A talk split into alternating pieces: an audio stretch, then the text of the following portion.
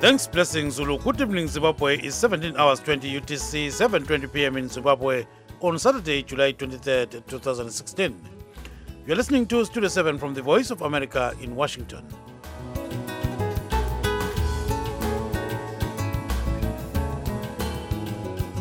Thank you for joining us live from Washington. This is Gibbs Dube. Here are our top stories this evening. Zimbabwe is planning to stop issuing radio licenses as the economic problems in the country continue. Young Zimbabweans cry foul over cyberbullying. And as usual, we'll focus on issues affecting women. Stay tuned.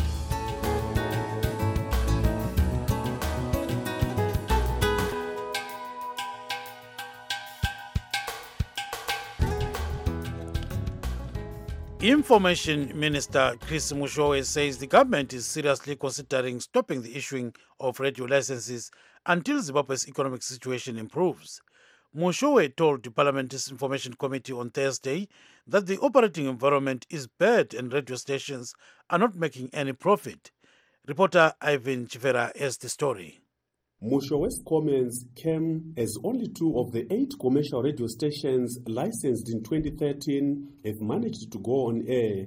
The other six are risking losing their licenses if they fail to start broadcasting in two months as required by law. The Broadcasting Services Act stipulates that any radio station licensed should start broadcasting within eight months, failure of which the license would be withdrawn. Mushowe said indications are that some of the radio stations granted licenses by government have not yet complied with these regulations. Ideally, we would like to see as many players as possible competing in the broadcasting sector because of the inherent benefits to the consumer. The market situation tells us a different story. Mr. Chairman, experience to date shows that only one radio station among the newly licensed stations is making a profit. The rest are in the red. But Media Institute of Southern Africa Zimbabwe chapter broadcasting programs officer Koliwe Majamanyoni said it would be unfair for the minister to take those measures as there are many individuals and companies who are ready to start broadcasting anytime. At the end of the day, it's not only about uh, the sustainability of the radio stations, but in terms of the geographical allocation and, you know, just the diversity and plurality in the number of areas that would actually be broadcasting. That is not to say that sustainability is not an issue. She said the Broadcasting Authority of Zimbabwe should have licensed companies with resources. Media Center Director Ernest Mudzengi concurred, saying it's now coming out clear that the licensing process was fraudulent and biased. The whole licensing uh, process was not done in a proper manner. It was a haphazard partisan process. Even lawmakers questioned how a loss making company like Kingstons, which is struggling to run a book selling business, could be expected to operate two radio stations. At the same time, Mushowe said licenses for community radio stations would only be issued once the digitization process has been completed. Zimbabwe has missed the March 2016 deadline and earlier Finance Minister Patrick Chinamasa said the digitization program was not budgeted for and government had no money to finance it. He said government expected to raise $200 million required for the program from the sale of the digital dividend spectrum to NetOne, but the deal failed after the state company failed to raise the money. Chinamasa said he was now exploring other ways of financing the project but could not say when the funds would be available. Reporting for Studio 7 from Harare, this is Irwin Chifera.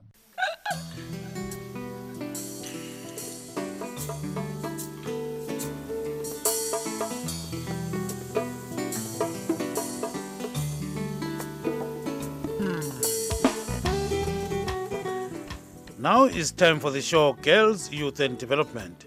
We have a partner, Nyaradzo Mashamambe of Tag a Life International, an organization that focuses on the needs of girls and youth, and unique the motto of Youth Engage.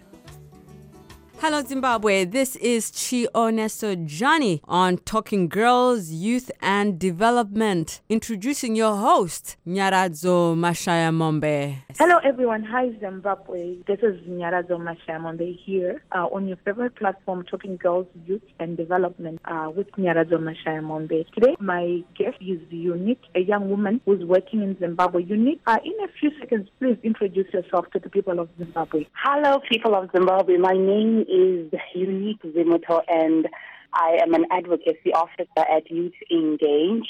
Uh, we deal with advocating for young people living with HIV and AIDS, and we concentrate on empowering youth. So today, our topic, uh, if you followed a few weeks ago, we started and initiated a talk around the technology and young people, especially young women. And we looked at the good, the bad, the ugly, and the desirable. And um, we know that technology is critical for young women for opportunities, uh, but as well as we know that it has become a problem as well for the young people. When I'm looking at the opportunities, I'm looking at if a young person has access to a smartphone or a phone, she can receive messages of, on what's happening around the world. If it's a smartphone, better still, she can be able to learn about what's happening in Zimbabwe and everywhere through Facebook, WhatsApp, and also get opportunities even to Google to learn other things. But we also know that on the other side, many young people, especially young women, have been having a difficulty with their boyfriends maybe demanding naked photos of them, which are usually released to the world to see their naked bodies when their relationship stops. And some young women have had their boyfriends record nude, um, nude pictures or videos of them without their knowledge when they're having maybe sex with their boyfriends. Unique, my question to you as young women is, what is your take on all these issues? Thank you so much, Nyari. I think what we need to first realize is that the issue on, on cyberbullying wasn't as uh, as known until recently in the few five years that we've been moving towards. We also need to understand the fact that cyberbullying is still something that is very foreign in, in Zimbabwe. People don't understand what exactly is cyberbullying and if, if someone is being bullied. So, what is cyberbullying? Firstly, cyberbullying is the misuse or abuse of pictures, messages, or videos using electronic devices such as cell phones and computers, and they're the most common um, electronic uses that are being used actually in Zimbabwe at the moment. You, the young women, you are the ones whose photos are being split, split all over the internet. You are the ones with sex tapes that are Mhm. being shown. What is the problem? there is a higher percentage of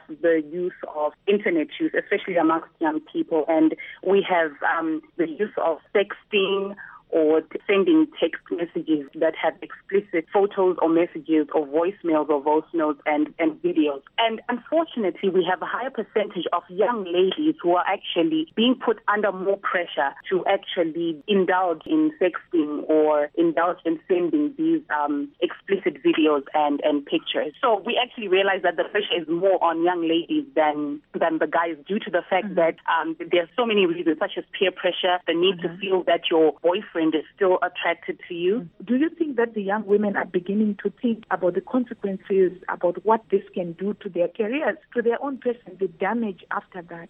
I mean, yes, definitely, definitely. Because what we need to realize is, um, young women now have are now realizing how exposed they become, and in in in all honesty, there is nothing that protects these young ladies, and therefore it is up to their own good to protect their livelihoods. Because at the end of the day, this will go up to not only affecting their family relations, but in society, it's something that is very taboo. So it definitely does affect them. And now young ladies are actually realizing the impact. You get to see that um, within the society. I was speaking to a, uh, young girls recently, and they were saying, if my boyfriend asks me to send a picture or or a video, I don't bring out my face. I'm just going to take a picture of of maybe the part that he wants me to take, but not bringing out my face. So they are realizing the consequences of Right. cyberbullying. Yes. Thank you very much, Unique. It was so great to host you, Unique, as a young woman. This platform is really to hear from young people, especially young women and young men who are working on the ground to, to advance the rights of girls and young women, as well as the youth in our communities who are making a change within their communities. Uh, if you want to keep uh, chatting with me, uh, or if you want me to, to have you as a as a guest on my show, uh, get in touch with me, Nyari Mashaya Mombe. You can find me on Facebook and on Twitter at Nyari Mash, and uh, you can keep in touch with me that way. Until we meet again next week, Zimbabweans. Thank you very much. And that was Nyaradzo Mashaya Mombe and her guest, Unique Zimuto, Advocate Officer from Youth Engage. Thanks very much, Nyaradzo Masha Mombe of Tag a Life International, an organization catering for the needs of girls and youth, and Unique Zimuto of Youth Engage.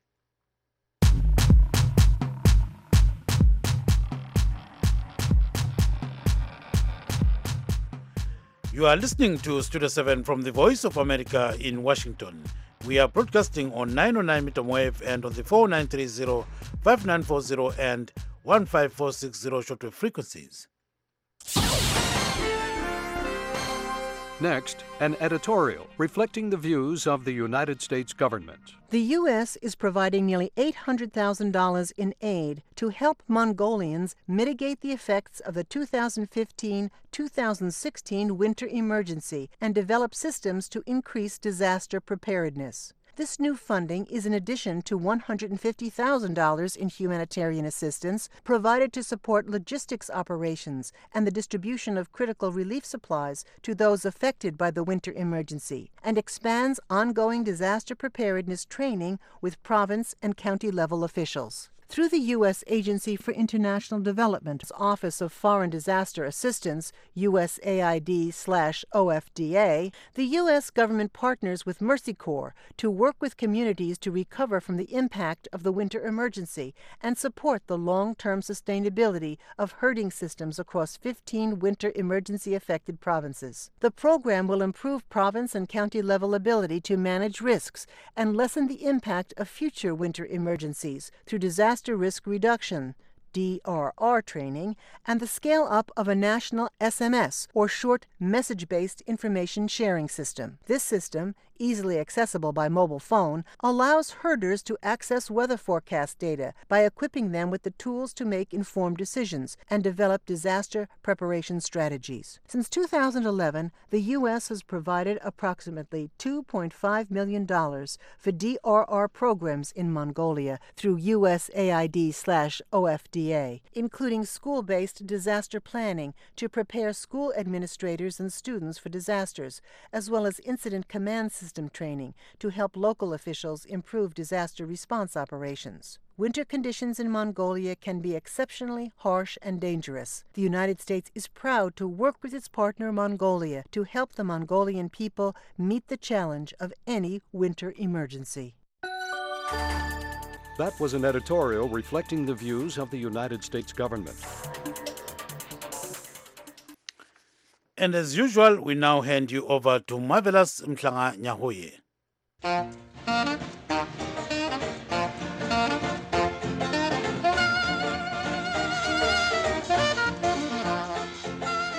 Welcome to the Women's Forum, a forum where we look at issues affecting women. I'm Marvelous Mhlanga Nyahuye. Tonight, we have the pleasure of speaking to Comrade Farai, one of the female ex combatants who's going to take us through how she sees what is currently happening in the country. Welcome to the Women's Forum, Comrade Farai. Okay, well, welcome. Oh, last week, uh, some comrades are saying that they've had enough and they've asked for President Robert Mugabe to step down. What do you say as female uh, war veterans? I would say, I mean, female ex-combatants, not only being a female, but uh, I mean, being a woman, we are the mostly affected people, I mean, as a woman, because we are the ones who, who fend for, I mean, for the families, and we know all the problems that affect our households and what have you. So the women species are the ones who are mostly affected, and uh, that's the reason why ex-combatants said, I mean, we have we've had enough. I think this is the time where we can just rise up and say whatever I mean we feel like. Because I mean, from 1980 up to now, I mean, the president has never looked at the problems of the country, of the nation, but uh, he's always he's gallivanting, going outside the country, not uh, addressing the issues, I mean, of the country. What are some of the issues or challenges that you have faced as women ex-combatants that really have pushed you to the edge to say enough is enough at this particular time? Mostly, um, female ex-combatants is the welfare. It doesn't only affect the, the female ex-combatants, but everybody in nation in terms of addressing, I mean, issues like, I mean, the health system is collapsed even our education system, it's not something now to write home about. And even I would say almost, I mean, everything. The, the economy is collapsed. And the, the bad thing is the president I mean, doesn't even comment. Even last week, when we last week, but when we had the shutdown, but he never commented. He never said anything. I mean, that one day where there was a shutdown, to be honest, I mean, it had an impact, but he, he never commented. He didn't. He, he didn't even want to say anything about it. Instead, I mean, he waited until I think it was we were building uh, shell suited. That's when he decided to say, "Ah, the Western world are the ones who are sponsoring uh, the disaster, and uh, I mean, and the other people who are uh, on the change agenda. I mean, which is wrong. I think it's high time now. I mean, he sees that. I mean, all the I mean, the rest of the nation are, are just fed up. They just want him to go, like yesterday. So, are you in support of the euphoria that we're seeing, uh, the call for change that is coming from the youth, especially people like Pastor Evan Mawarire and Tajamuka and other citizen groups? What's your view on those? Oh yes, I personally am I'm, I'm fully in support of Pastor Evan Mawarire, even in Tajamuka. The good thing is the comrades we are saying we don't want violence, and even Pastor Mawarire also is also saying that we don't want violence. Whatever we have to do, we have to do it peacefully. We don't want bloodshed. We don't want violence in the country. We think of the 1970s where bloodshed was shed, but this time we just want I mean dialogue. We want I mean, him to address the issues, of which personally I don't think I mean, the president is going to address the issues. He has run short of ideas. He is being told by uh, the, people like uh, Kasukuwere, the, the, the Chinamasas, that I mean everything is well. He's out of touch with reality. That's the problem. But I also blame him. I mean, as a leader, you have to go to the people and ask, uh, get first-hand information ask what uh, what, what the problems I mean the the, the people are, are, facing. Then at least I mean you can start from there. But he decided to be blinkered not to be worried about the problems of the nation. I am in support of uh, the Tajamukas and the Mawarire and the, whatever they're doing. I mean, it's in the positive direction. Even most of the comrades are also in support of I Mawarire and the Tajamuka. So, do you see President Robert Mugabe actually heeding to this call by uh, war veterans to say that you know he has failed and must now vacate his post? Or wh- what kind of reaction do you foresee coming out of ZANU PF and also just President Mugabe? He is very stubborn. He's a very stubborn man. I know he's not going to say anything between now and uh, maybe heroes. Uh, maybe he will choose to to address the people at the Heroes Acre and say, "Oh, okay, these comrades are stupid and what have you." But I think this time he he has picked it up that I mean the comrades the main business, and I don't think it's going to take it lightly. Time is not on our side. Thank you very much, Comrade Farai, for having been our guest here on the Women's Forum, a forum where we look at issues affecting women. Okay, thank you very much. I'm Marvelous Mhlanga Thanks very much, uh, Marvelous We hope you are going to have a wonderful weekend.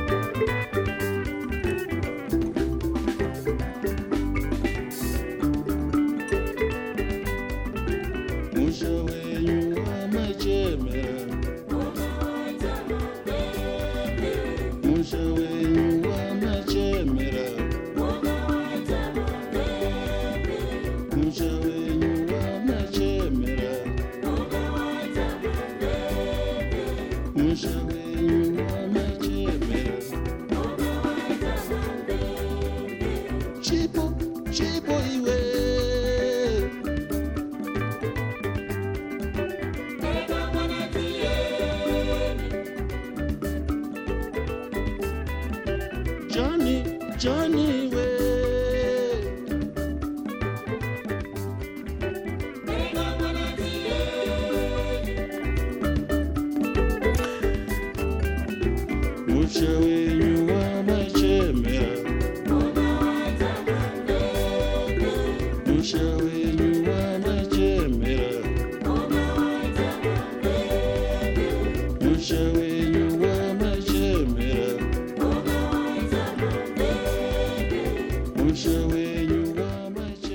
The music of Thomas Tafirenyika Mapfumo coming to you from the Voice of America in Washington. Now to recap today's top stories. Zimbabwe is planning to stop issuing radio licenses as economic problems continue in the country. and young Zimbabweans cry foul over cyberbullying. That's our broadcast this evening. Now stand by for Studio 7 in Develop with Chris Gande. This is Gibbs Dube in Washington, D.C., wishing you a pleasant evening and a very, very good night.